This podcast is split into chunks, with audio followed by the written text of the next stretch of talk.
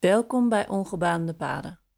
Ik ben Anne en in deze podcast neem ik je mee op mijn hike over de Pacific Crest Trail in Noord-Amerika. Dat is een lange afstandspad van Canada tot Mexico. En in deze eerste reeks loop ik in enkele maanden van Canada tot in Noord-Californië, zo'n 1800 kilometer. In elke aflevering deel ik mijn avonturen, persoonlijke uitdagingen, gevoelens en inzichten met je, al wandelend over de trail. Reis mee over ongebaande paden, op avontuur in de wildernis en in jezelf.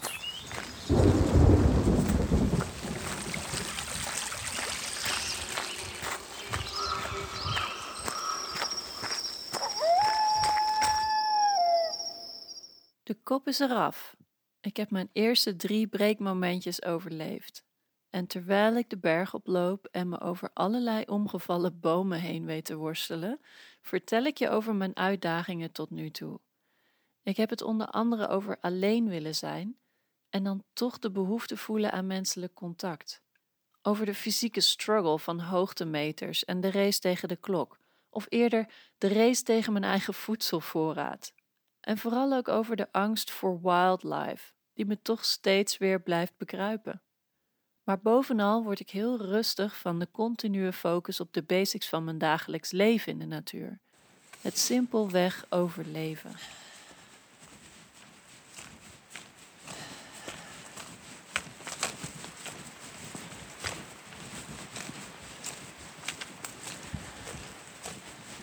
Gisteren, uh, eigenlijk de dag na nadat ik alleen gekampeerd heb voor het eerst.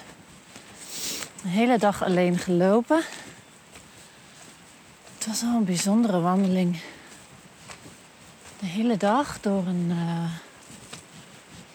Nou, niet de hele dag. Eerst natuurlijk een klim. En dat gaf het eerste uitzicht op het echte deel van Glacier Peak Wilderness. Ik kon Glacier Peak helaas niet zien omdat, het, omdat er wat wolken waren, maar wel andere bergen.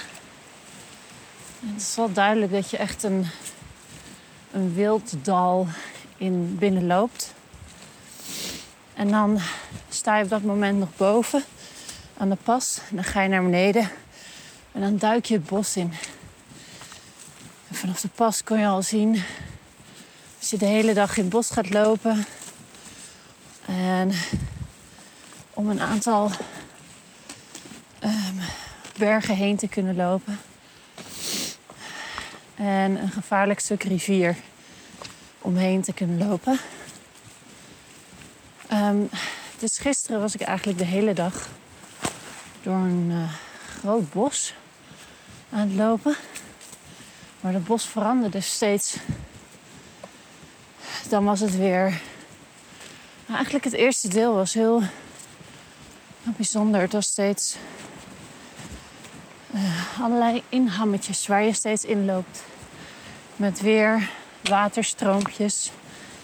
En mos waar water vanaf druppelt. Heel regenwoudachtig, maar dan noordelijk halfrond regenwoud. En uh, helemaal alleen. Het voelde echt als de perfecte plek om een beer tegen te komen. Dus uh, ik was maar begonnen met zingen. Toen ik op een gegeven moment geen liedjes meer wist, toen uh, heb ik even goed gebruik gemaakt van mijn uh, offline Spotify. En ben ik gaan meezingen met muziek. Het was zo mooi ook wel mysterieus en een beetje spannend. En uh, eigenlijk de hele ochtend bijna geen mensen tegenkomen. Wel twee mensen van tegenovergestelde richting. Die een dagwandeling of zoiets aan het maken waren. Nou, een dagwandeling niet, maar... Nou ja, niet. En Later in de middag, toen, uh, toen ik pauze aan het houden was, toen kwam ik iemand tegen die ook southbound PCT loopt. Niet zo'n spraakzame jongen alleen. Maar uh, ergens vond ik het wel prettig om nog te weten dat er iemand anders loopt waar ik loop. Je bent al heel snel op grote afstand van elkaar als je even pauze houdt. Maar toch kom je elkaar dan af en toe tegen. Ik merk toch dat een teken van leven dan wel prettig is. En uh, meer einde van de middag. Ik had echt behoorlijk last van mijn knieën. Blijkbaar is mijn naar beneden looptechniek toch niet zo goed als dat ik dacht. Of ik had me niet goed genoeg geconcentreerd door het zingen en de muziek. Ik begon een beetje pijn te krijgen. En dan is lopen ineens een stuk moeilijker. Uh, dus ik heb een goed pauze gehouden. Maar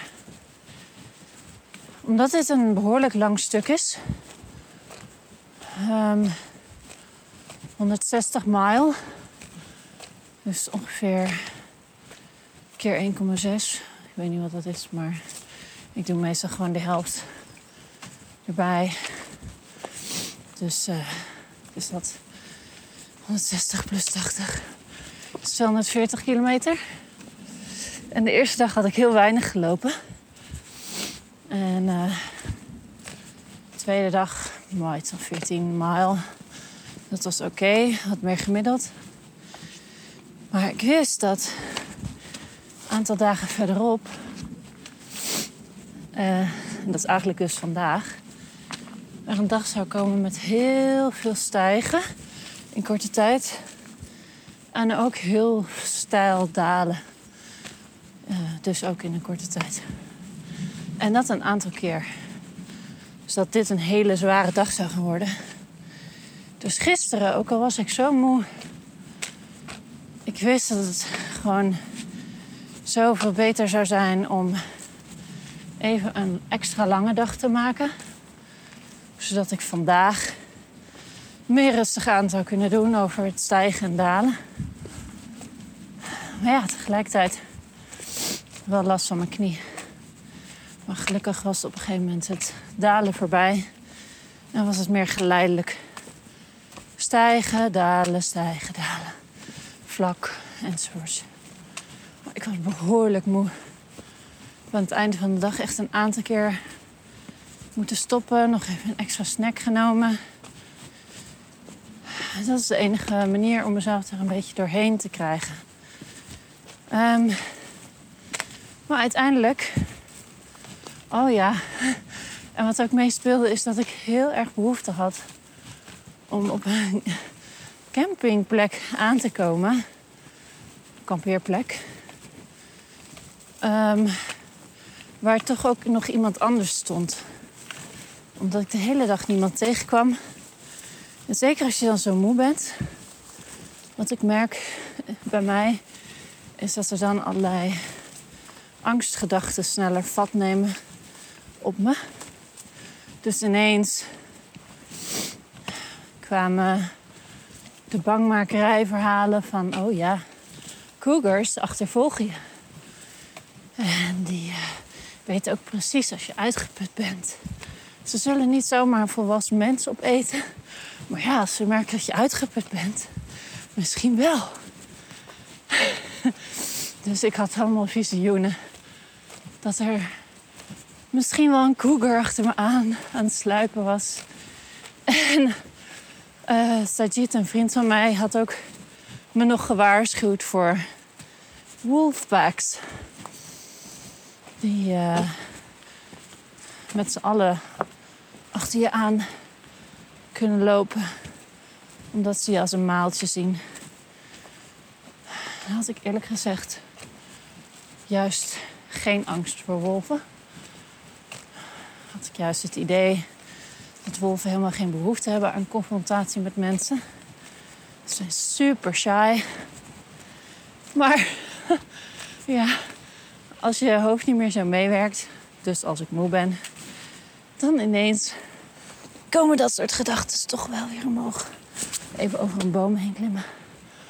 Oh man, dit is echt een enorm grote boom.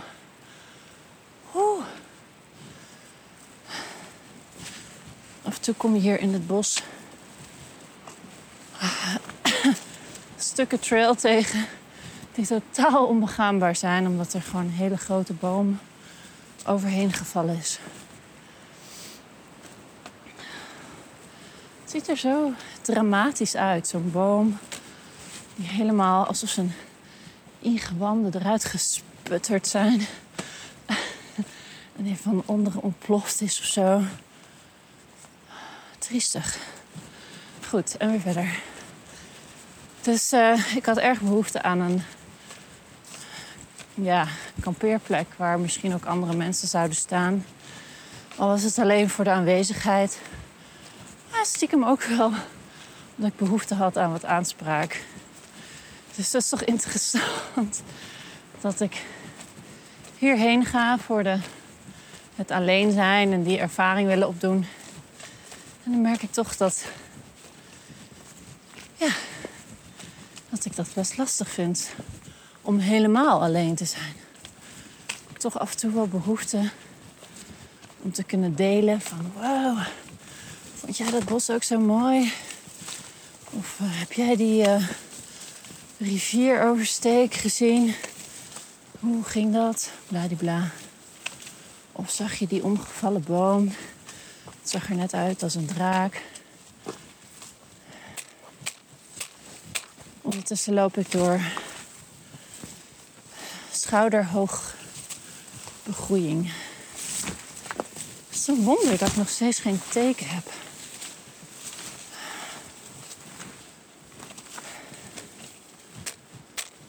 Dit zijn van die plekken dat het goed is om even geluid te maken. Omdat, uh, nou ja, sommige beren zijn nog niet zo goed in het herkennen van mensengeur als ze jong zijn. Dus dan is het zo'n plek dat je ze eventueel zou kunnen verrassen. Heb ik ook maar van horen zeggen. En common sense misschien.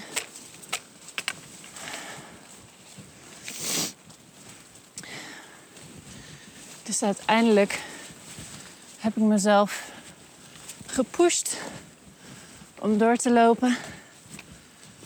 Nadat ik een kampeerplek gevonden had waar niemand was. En wat ook op 15 mile was. En ik had toch het idee dat ik meer moest lopen om een verschil te kunnen maken de komende dagen. Dus toen besloot ik om door te lopen. Onder een boom limbo dansen. Zo.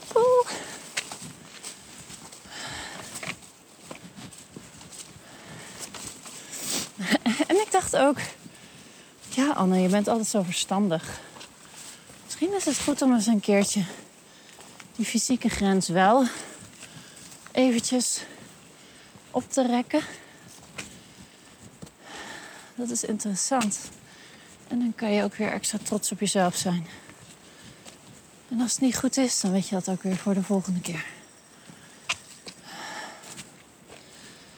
Dus ja, ik was doorgelopen en heb uiteindelijk.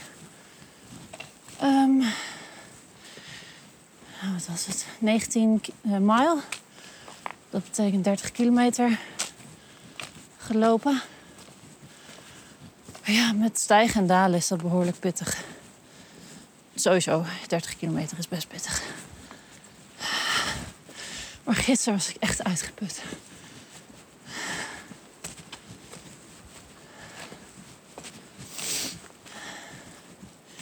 Maar ik kwam op een kampeerplek aan en er stonden twee tentjes. Oeh, dat was een zucht van verlichting. merk ik meteen dat je minder hyperalert bent. Dat je de safety in numbers voelt.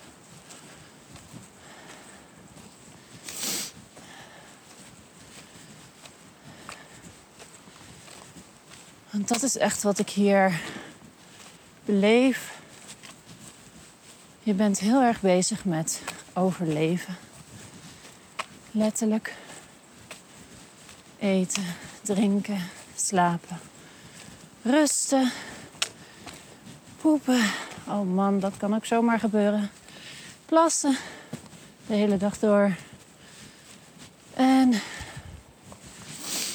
ja, veiligheid. En die veiligheid is ook op allerlei manieren. Door terrein, of je door een wilde rivier moet lopen. Of er overheen moet balanceren over een boomstam. Sneeuwveld. Wat stijl is, waar je eventueel zou kunnen uitglijden. En dieren. Zoveel gevaarlijke dieren hier die ik in Nederland niet gewend ben. Daar hoef je in Nederland niet bang voor te zijn. Het enige wat jou kan doden zijn auto's en mensen. En daar heb je wat meer zicht op, lijkt het. Dat is trouwens niet waar. Je kan natuurlijk ook ziek worden. Maar daar is zoveel controlemogelijkheden zijn daarvoor. Zoveel meer dan als je hier in de wildernis bent. De enige controle die je hebt is bepaalde gedragingen die wat meer preventief zijn. Bijvoorbeeld zoals dit. Om bepaalde dieren te waarschuwen dat je eraan komt. Of voorzichtigheid, bewustzijn van gevaren in terrein. Ah zoals dit bijvoorbeeld. Heel steil paadje met een omgevallen boom. Dan moet je daar maar een beetje overheen zien te klimmen.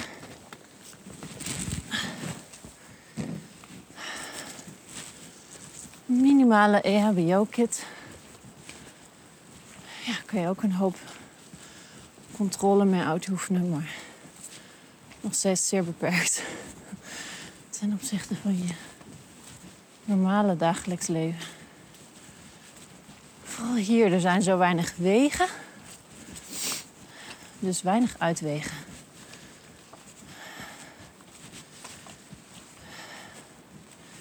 Ik vind het daarom dus ook best wel bijzonder dat er ook behoorlijk wat mensen deze trail doen die nog nooit eerder zoiets gedaan hebben. Ik bedoel, ook nooit eerder ge, uh, gehiked hebben. En behoorlijk jong zijn. En dan toch het overleven. Dat is toch wel uh, bijzonder. Vind het zelf wel een prettig gevoel dat ik iets van ervaring heb.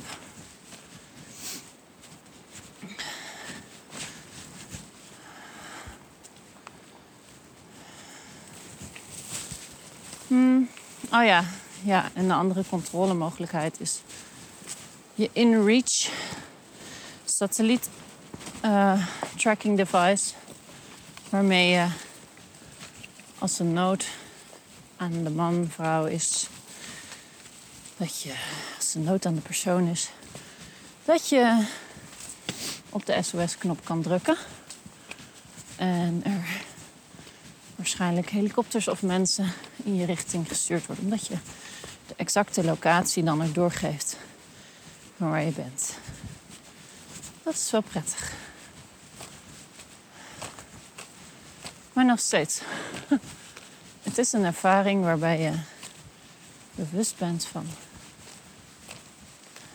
de factoren die een rol spelen in of je overleeft die dag en de dagen erna. Want ja, dat is natuurlijk ook wat betreft zo'n langere tocht. Deze tocht van Stehiken naar Skykomish. Ja, dat is het stadje, maar van Stehiken naar Stevens Pass. Het is dus een uh, groter gebied, langere tocht dan wat ik hier voorgelopen heb. Dat betekent dus ook dat je minder speling hebt Je kan maar toch een beperkte hoeveelheid eten meenemen. Anders dan sleep je jezelf een breuk. Dat was even een watervalletje. Omdat je dus een beperkte hoeveelheid eten mee kan nemen, misschien voor een week, misschien nog iets extra als je wil, moet je heel erg bewust uitrekenen hoeveel kilometers je gaat lopen op een dag. Of je nog op schema zit. Of je nog genoeg eten hebt voor wat er aan zit te komen. En dat was de stress van vanmorgen. Ik werd wakker en ik was zo moe. Ik voelde de uitputting in mijn benen. En ik zag niet voor me hoe ik vandaag en omhoog en omlaag en omhoog en omlaag. En dan ook nog 15 mijl, dus 24 kilometer te lopen. Dus toen ben ik mijn eh, eten erbij gaan pakken. En gaan bekijken hoeveel avondmaaltijden, ochtendmaaltijden, lunch enzovoort ik heb. En hoewel ik te weinig snacks heb, um, heb ik van al het andere genoeg. En van avondeten meer dan genoeg. Dus ik ook al bedacht, een aantal avondmaaltijden kan ik ook um, cold soaking, dus in koud water laten weken. En dan met de lunch eten of misschien zelfs met ontbijt. Of ja, een soort van lunch of tussendoor. Helaas geen tussendoor, maar goed. Dus dat gaf me de mogelijkheid om eventueel, als het niet anders gaat, het in vijf dagen te lopen. In plaats van vier.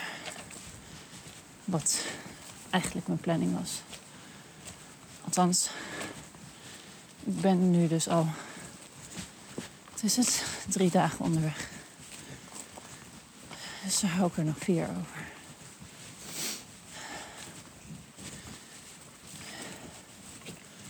Maar toen ik dat had uitgerekend, kon ik weer tot rust komen. En lekker een ontbijtje eten. Waardoor je hoofd weer een stuk beter functioneert in je lijf ook.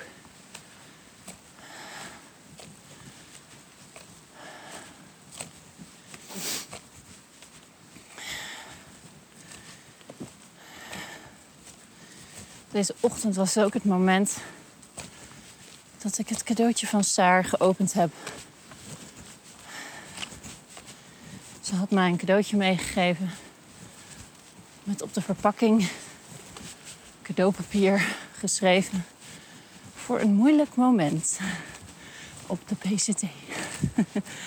en uh, de beschrijving was eigenlijk die ze erbij gaf was ja, je gaat dan een moment hebben.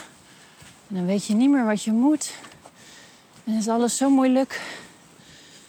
En dan ga je toch weer door. En dan gaat het moment weer voorbij. En dan later komt er weer zo'n moment. Het is zo moeilijk. Je hebt geen idee wat je moet. Of je denkt zelfs dat je wil stoppen. En ook dat moment gaat weer voorbij. En je gaat weer verder.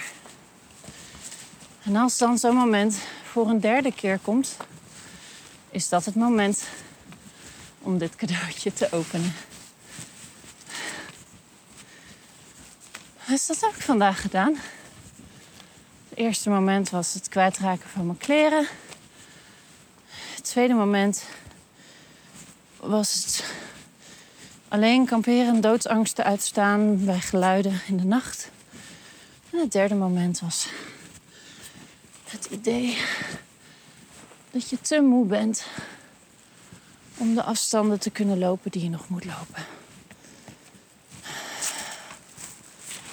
En het was dan uiteraard heerlijke chocola.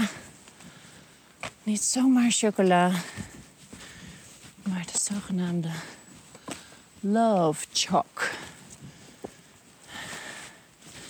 Nou, ik voelde hem zo precies wat er op zo'n moment nodig is. Ineens lijkt alles weer een stukje helderder. Zo, ondertussen weer onder een boom van twee meter breed doorgelopen. Die blijkbaar hier ooit een keer is omgevallen. Je zal er maar onder liggen.